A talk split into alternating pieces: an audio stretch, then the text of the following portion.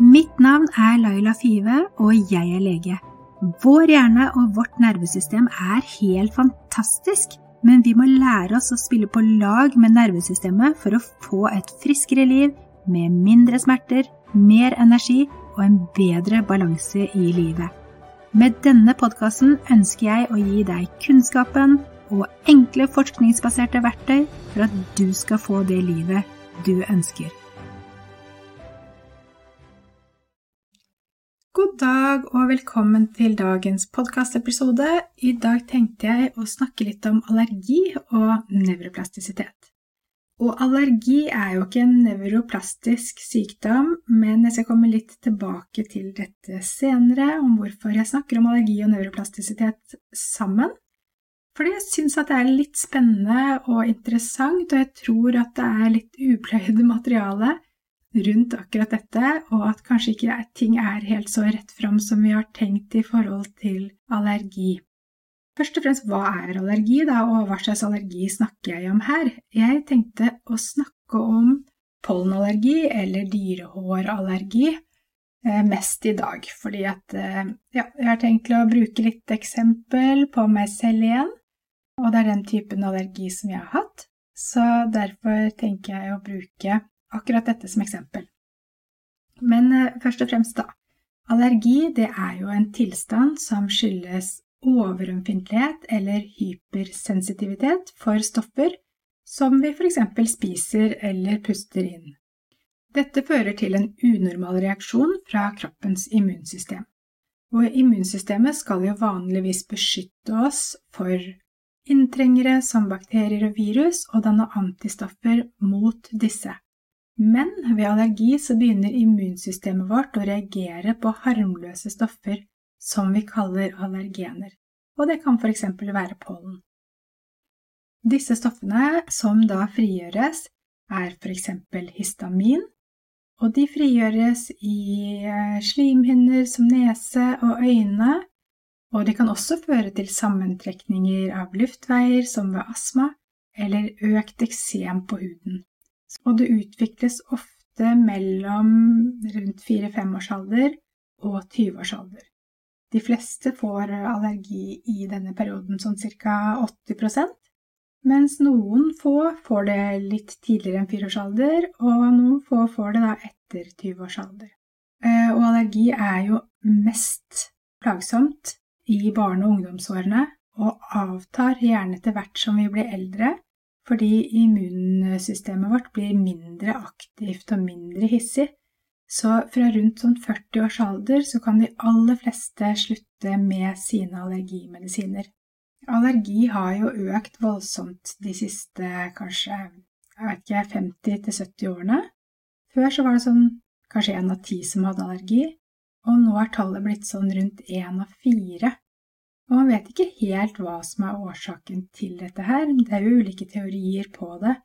Det kan f.eks. være tidlige virusinfeksjoner, det kan ha noe med renslighet og hygiene å gjøre. Man ser jo det at de som vokser opp f.eks. på landsbygda med husdyrhold, har sjeldnere allergi enn de som vokser opp i byen.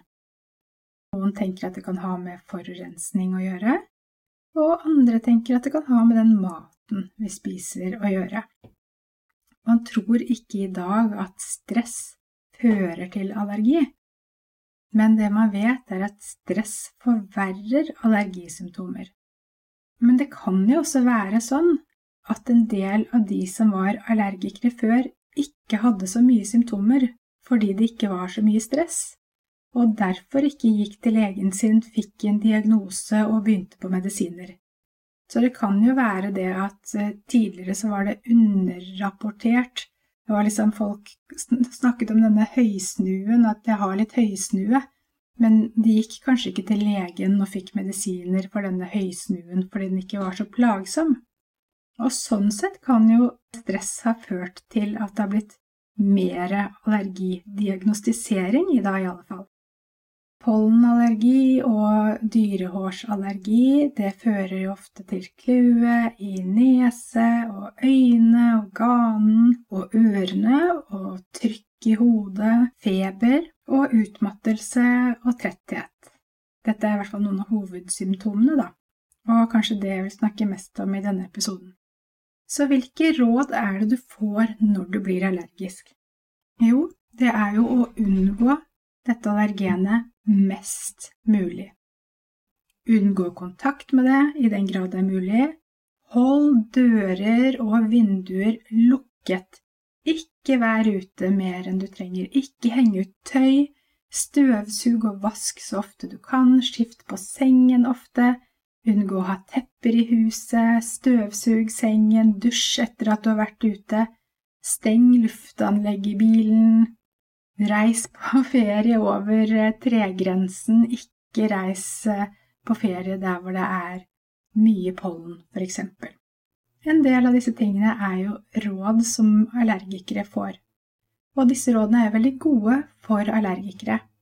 Men for de som har en del nevroplastiske allergisymptomer, så er dette her veldig dårlig, fordi unngåelse og frykt vil skru opp allergien. Fordi vi vet at stress og frykt øker histaminfrigjøringen i kroppen og kan føre til mer allergisymptomer hos de som har nevroplastiske allergisymptomer. Sånn at du kan bli mye, mye verre av allergien din ved å begynne å få en del sånn restriktiv atferd og unngå å frykte og passe på og ikke utsettes for disse allergenene. Det er en del studier som viser at stress påvirker oss i forhold til allergi. Så mennesker med astma, allergi og eksem blir ofte mye verre under stress. Mennesker som er under stress, må ofte bruke mer steroider og mer allergimedisin enn når man ikke er i stress, f.eks.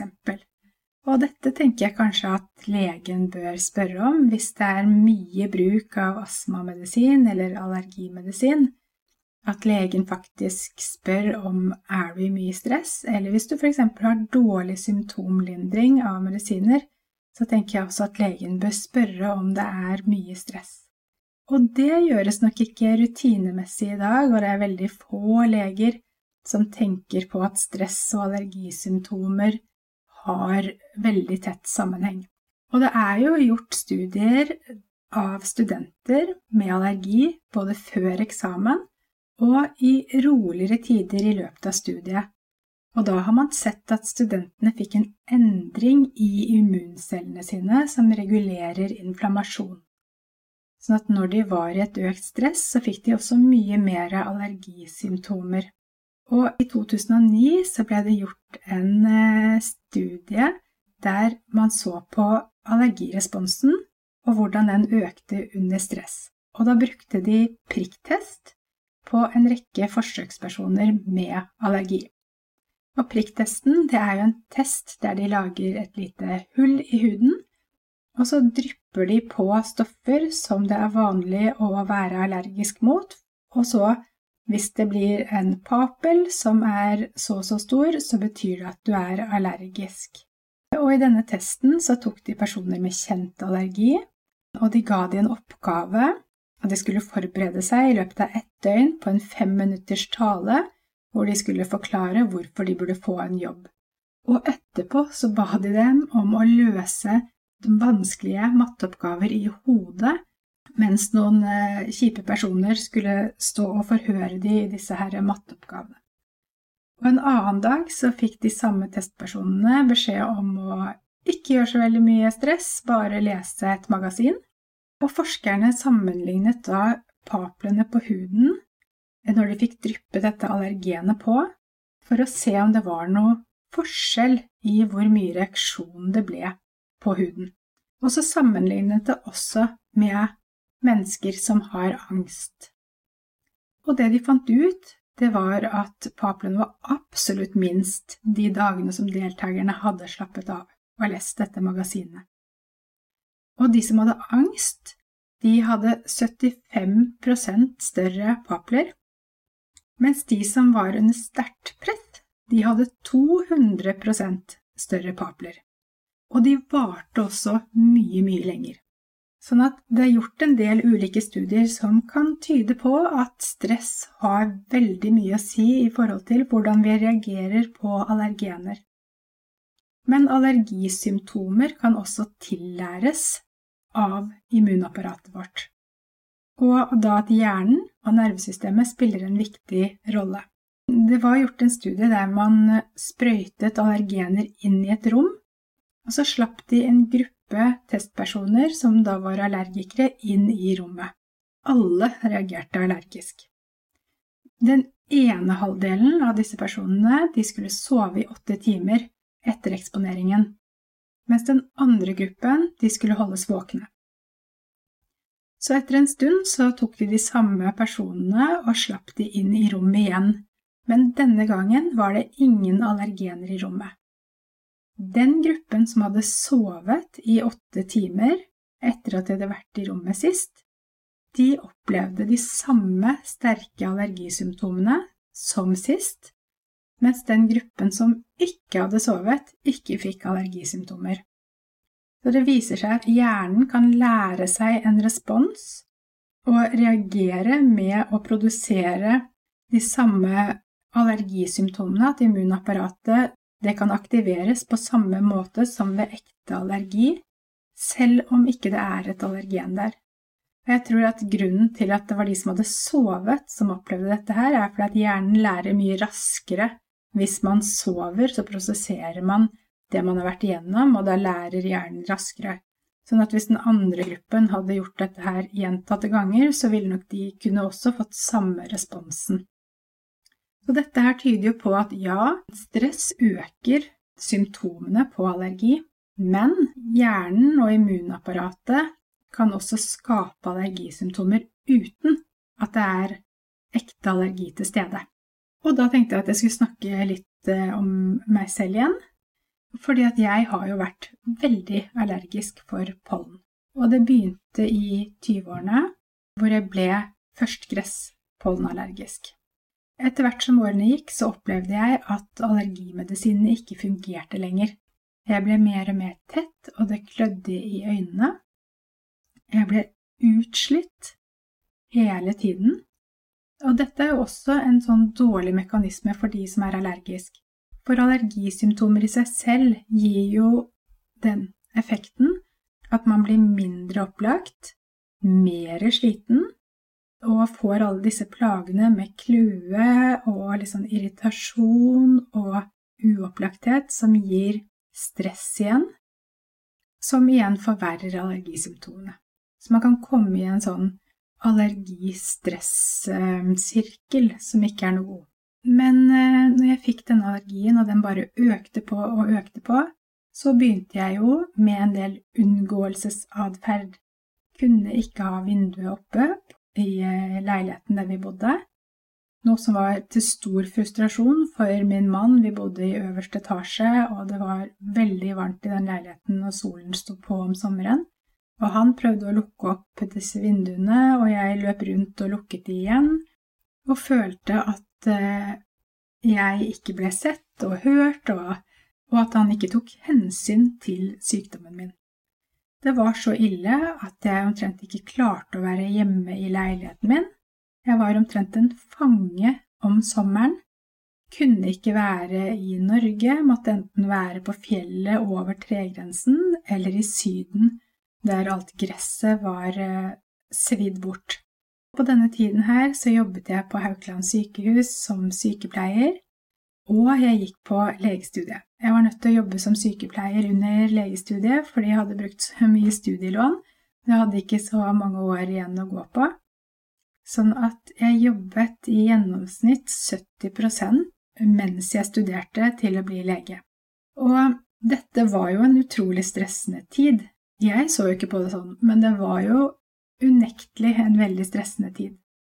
Så det var ikke rart at mine allergisymptomer var veldig økte. Men det det endte med, da, var at jeg gruet meg til å reise hjem, fordi jeg ble så mye dårligere av å være hjemme, og på Haukeland sykehus der var det god ventilasjon og lukte vinduer, og i tillegg så jobbet jeg i syvende etasje, så var ganske høyt oppe, og der kjente jeg at uh, symptomene mine avtok, Sånn at enten så måtte jeg være på lesesalen inne på Haukeland, eller så måtte jeg være på jobben. Så jeg husker de dagene som jeg hadde fri om sommeren, så tryglet jeg og ba min avdelingsleder om å få ekstravakter, sånn at jeg skulle slippe å være hjemme, for jeg følte at jeg tålte ikke være hjemme i 24 timer i leiligheten min. Da ble jeg ekstremt dårlig. Og allerede her så tenker jeg nå i etterkant at man kan se at det er noe som skurrer. For det, det, ble jo en frykt for, å være hjemme og være i nærheten av disse allergenene, som sannsynligvis skrudde opp denne allergien noe voldsomt. Så det endte jo med at jeg ble henvist til hyposensibilisering, og tok sprøyter regelmessig, da sånn allergivaksinering kalles det også, og tok sprøyter jevnlig i fire år. Og jeg ble gradvis bedre, men fra det året som jeg sluttet å ta vaksine, så ble det verre igjen.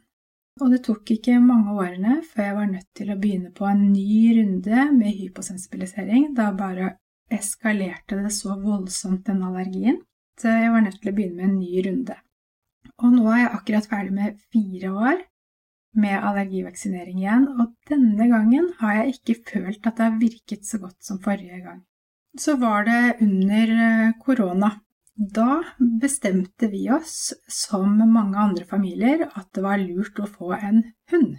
Ettersom alle ting, alle ting som tok krefter fra oss, som var så travelt til vanligvis, de ble jo bare borte, og da tenkte vi plutselig at nei, men kanskje vi har kapasitet til å ha en hund. Og det tok ikke mange ukene før en bitte liten chihuahua flyttet inn hos oss. Jeg har hatt eh, to hunder tidligere, og når jeg var på det verste av allergien min, så begynte jeg å liksom mistenke hunden for kanskje å kunne gi meg allergisymptomer også, fordi at allergien min var så voldsom. Så selv om jeg hadde liksom hatt eh, hunden tidligere og ikke reagert på den også, så følte jeg at liksom at eh, jeg kunne jo ikke være inne i den leiligheten som vi bodde i, så jeg begynte å tenke at kanskje hunden kan ha noe med dette her å gjøre. Så jeg tenkte at nei, men en liten hund, da har jeg hatt to hunder før, og jeg har ikke reagert noe særlig på de, og dette her må gå bra. Jeg har ikke noe utslag på blodprøver, og dette må gå bra. Så vi skaffet oss en liten hund. Tenkte det ikke så veldig mye hår, jeg er jo øh, støvallergisk også, så det er ikke så veldig mye hår, og det blir ikke så mye støv av denne hunden.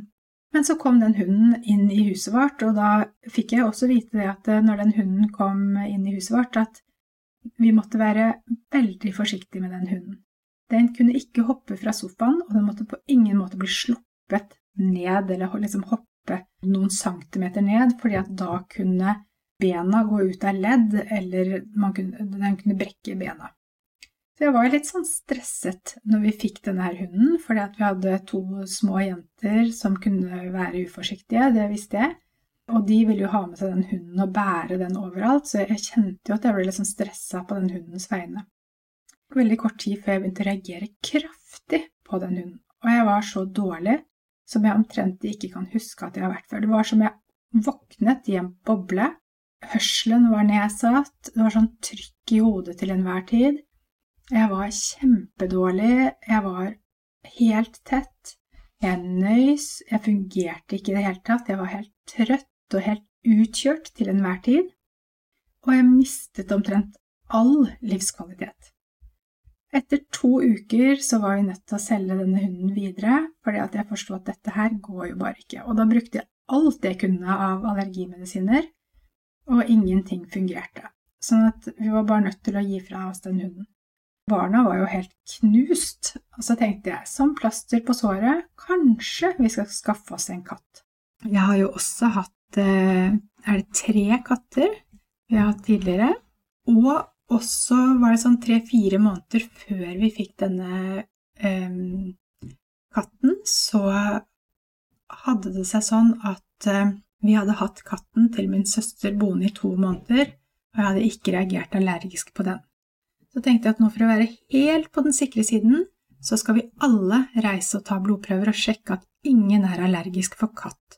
Ingen hadde utslag på blodprøver, og så tenkte jeg at vi også måtte skaffe oss en allergivennlig katt, som ikke røyta, og som hadde lite allergener, var kjent for å være litt uh, allergivennlig. så vi skaffet oss en bengal, og katten den skulle flytte inn i huset hos oss. Så jeg husker når vi var og hentet denne katten, så kjente jeg liksom akkurat litt som at det på en måte kilte litt i nesa og begynte å brenne litt på tuppen av nesetuppen, som er et litt tidlig sånn allergisymptom som jeg har fått i det siste. Så tenkte jeg med meg selv nei, det kan ikke stemme, det er ikke mulig, liksom. Så vi tok med oss denne katten hjem, da, og i løpet av en-to uker så var jeg kraftig allergisk for den katten. Og jeg tok alt av allergimedisiner, og da var det sånn at jeg ble sånn noenlunde grei når det gjaldt allergien, men katten måtte gå i spesielle soner i huset, jeg vasket han med allergisjampo, jeg løp rundt med sånn spray for å spraye alle steder for at eh, de skulle legge ned alle disse allergenene som eventuelt ble dratt inn i sofaen vår og sånne ting. Og da klarte jeg å holde det sånn noenlunde i sjakk.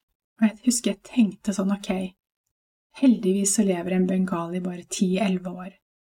Men så fant jeg ut litt senere at jeg hadde lest på ett sted på nettet, men det var flere steder som det sto at den levde i 15 år.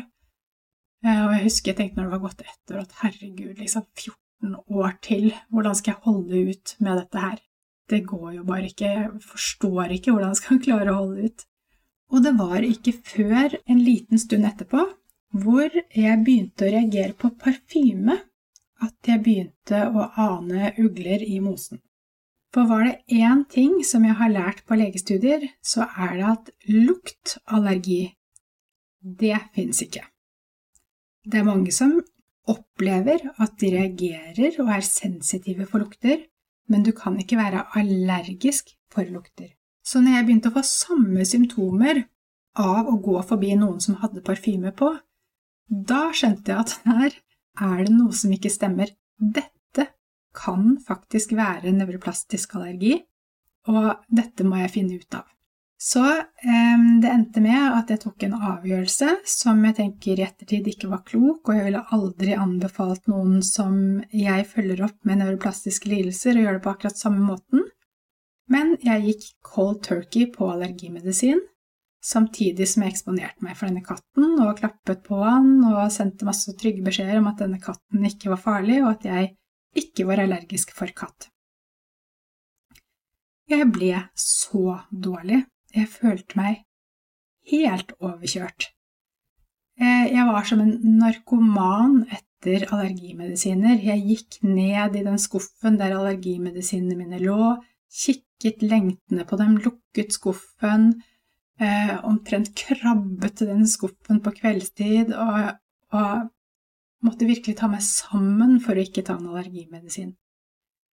Eh, det var skikkelig, skikkelig tungt, rett og slett. Det var veldig, veldig tøft. Og jeg tvilte. Jeg tvilte så mange ganger. Jeg tenkte ok, jeg er. Nå, Laila, nå trekker du han alvorlig langt. Du er allergisk av katt. Du må bare innse dette her. Det kan ikke være nevroplastisk. Dette er ekte allergi. Men så tenkte jeg jeg kan ikke gi meg. Um, og så skulle jeg reise på et kurs uh, uken etter og skulle være borte en hel uke. Og, så, og da tenkte jeg at da får jeg i hvert fall fri fra denne allergien, og det skal bli deilig. Men så la jeg merke til at av en eller annen grunn så reagerte jeg like allergisk når jeg var på dette kurset. Opplevde at jeg hadde allergisymptomer til tross for at jeg var der. Og når jeg kom hjem fra kurset, så hadde jeg faktisk litt mindre allergisymptomer enn når jeg var på kurset. Og da begynte jeg også å stille meg litt spørsmål. Hvorfor var det sånn at jeg hadde blitt så voldsomt allergisk for denne katten? Hvorfor var det sånn at jeg i en alder av over 40 år så fungerer ikke hyposensibilisering, og jeg er verre av allergien min enn jeg har vært tidligere? Altså, øre-nese-hals-legen som jeg gikk til, han sa det at det å bli hyposensibilisert mer enn to ganger, det er veldig uvanlig. Så det var noe som ikke stemte helt ved denne her katteallergien. Og langsomt så begynte allergisymptomene å avta. Og i løpet av to måneder så hadde jeg ikke noe symptomer av katteallergi lenger. Og det var såpass at jeg nesten ikke kunne tro det selv. var allergien min nevroplastisk? Har mer av allergien min vært nevroplastisk? Hva er dette her? Hvordan er det mulig? Jeg begynte å stille meg alle disse spørsmålene her. Så nå går jeg våren i møte. Jeg har ikke hatt god effekt av hyposensibiliseringen, men tenker at kanskje restsymptomene som jeg nå har, kan være nevroplastiske. Og nå Dette anbefaler jeg heller ingen, fordi at det å redusere stress, det er ikke noe eh, Det kan ikke ta vekk allergi, men det kan bedre symptomene.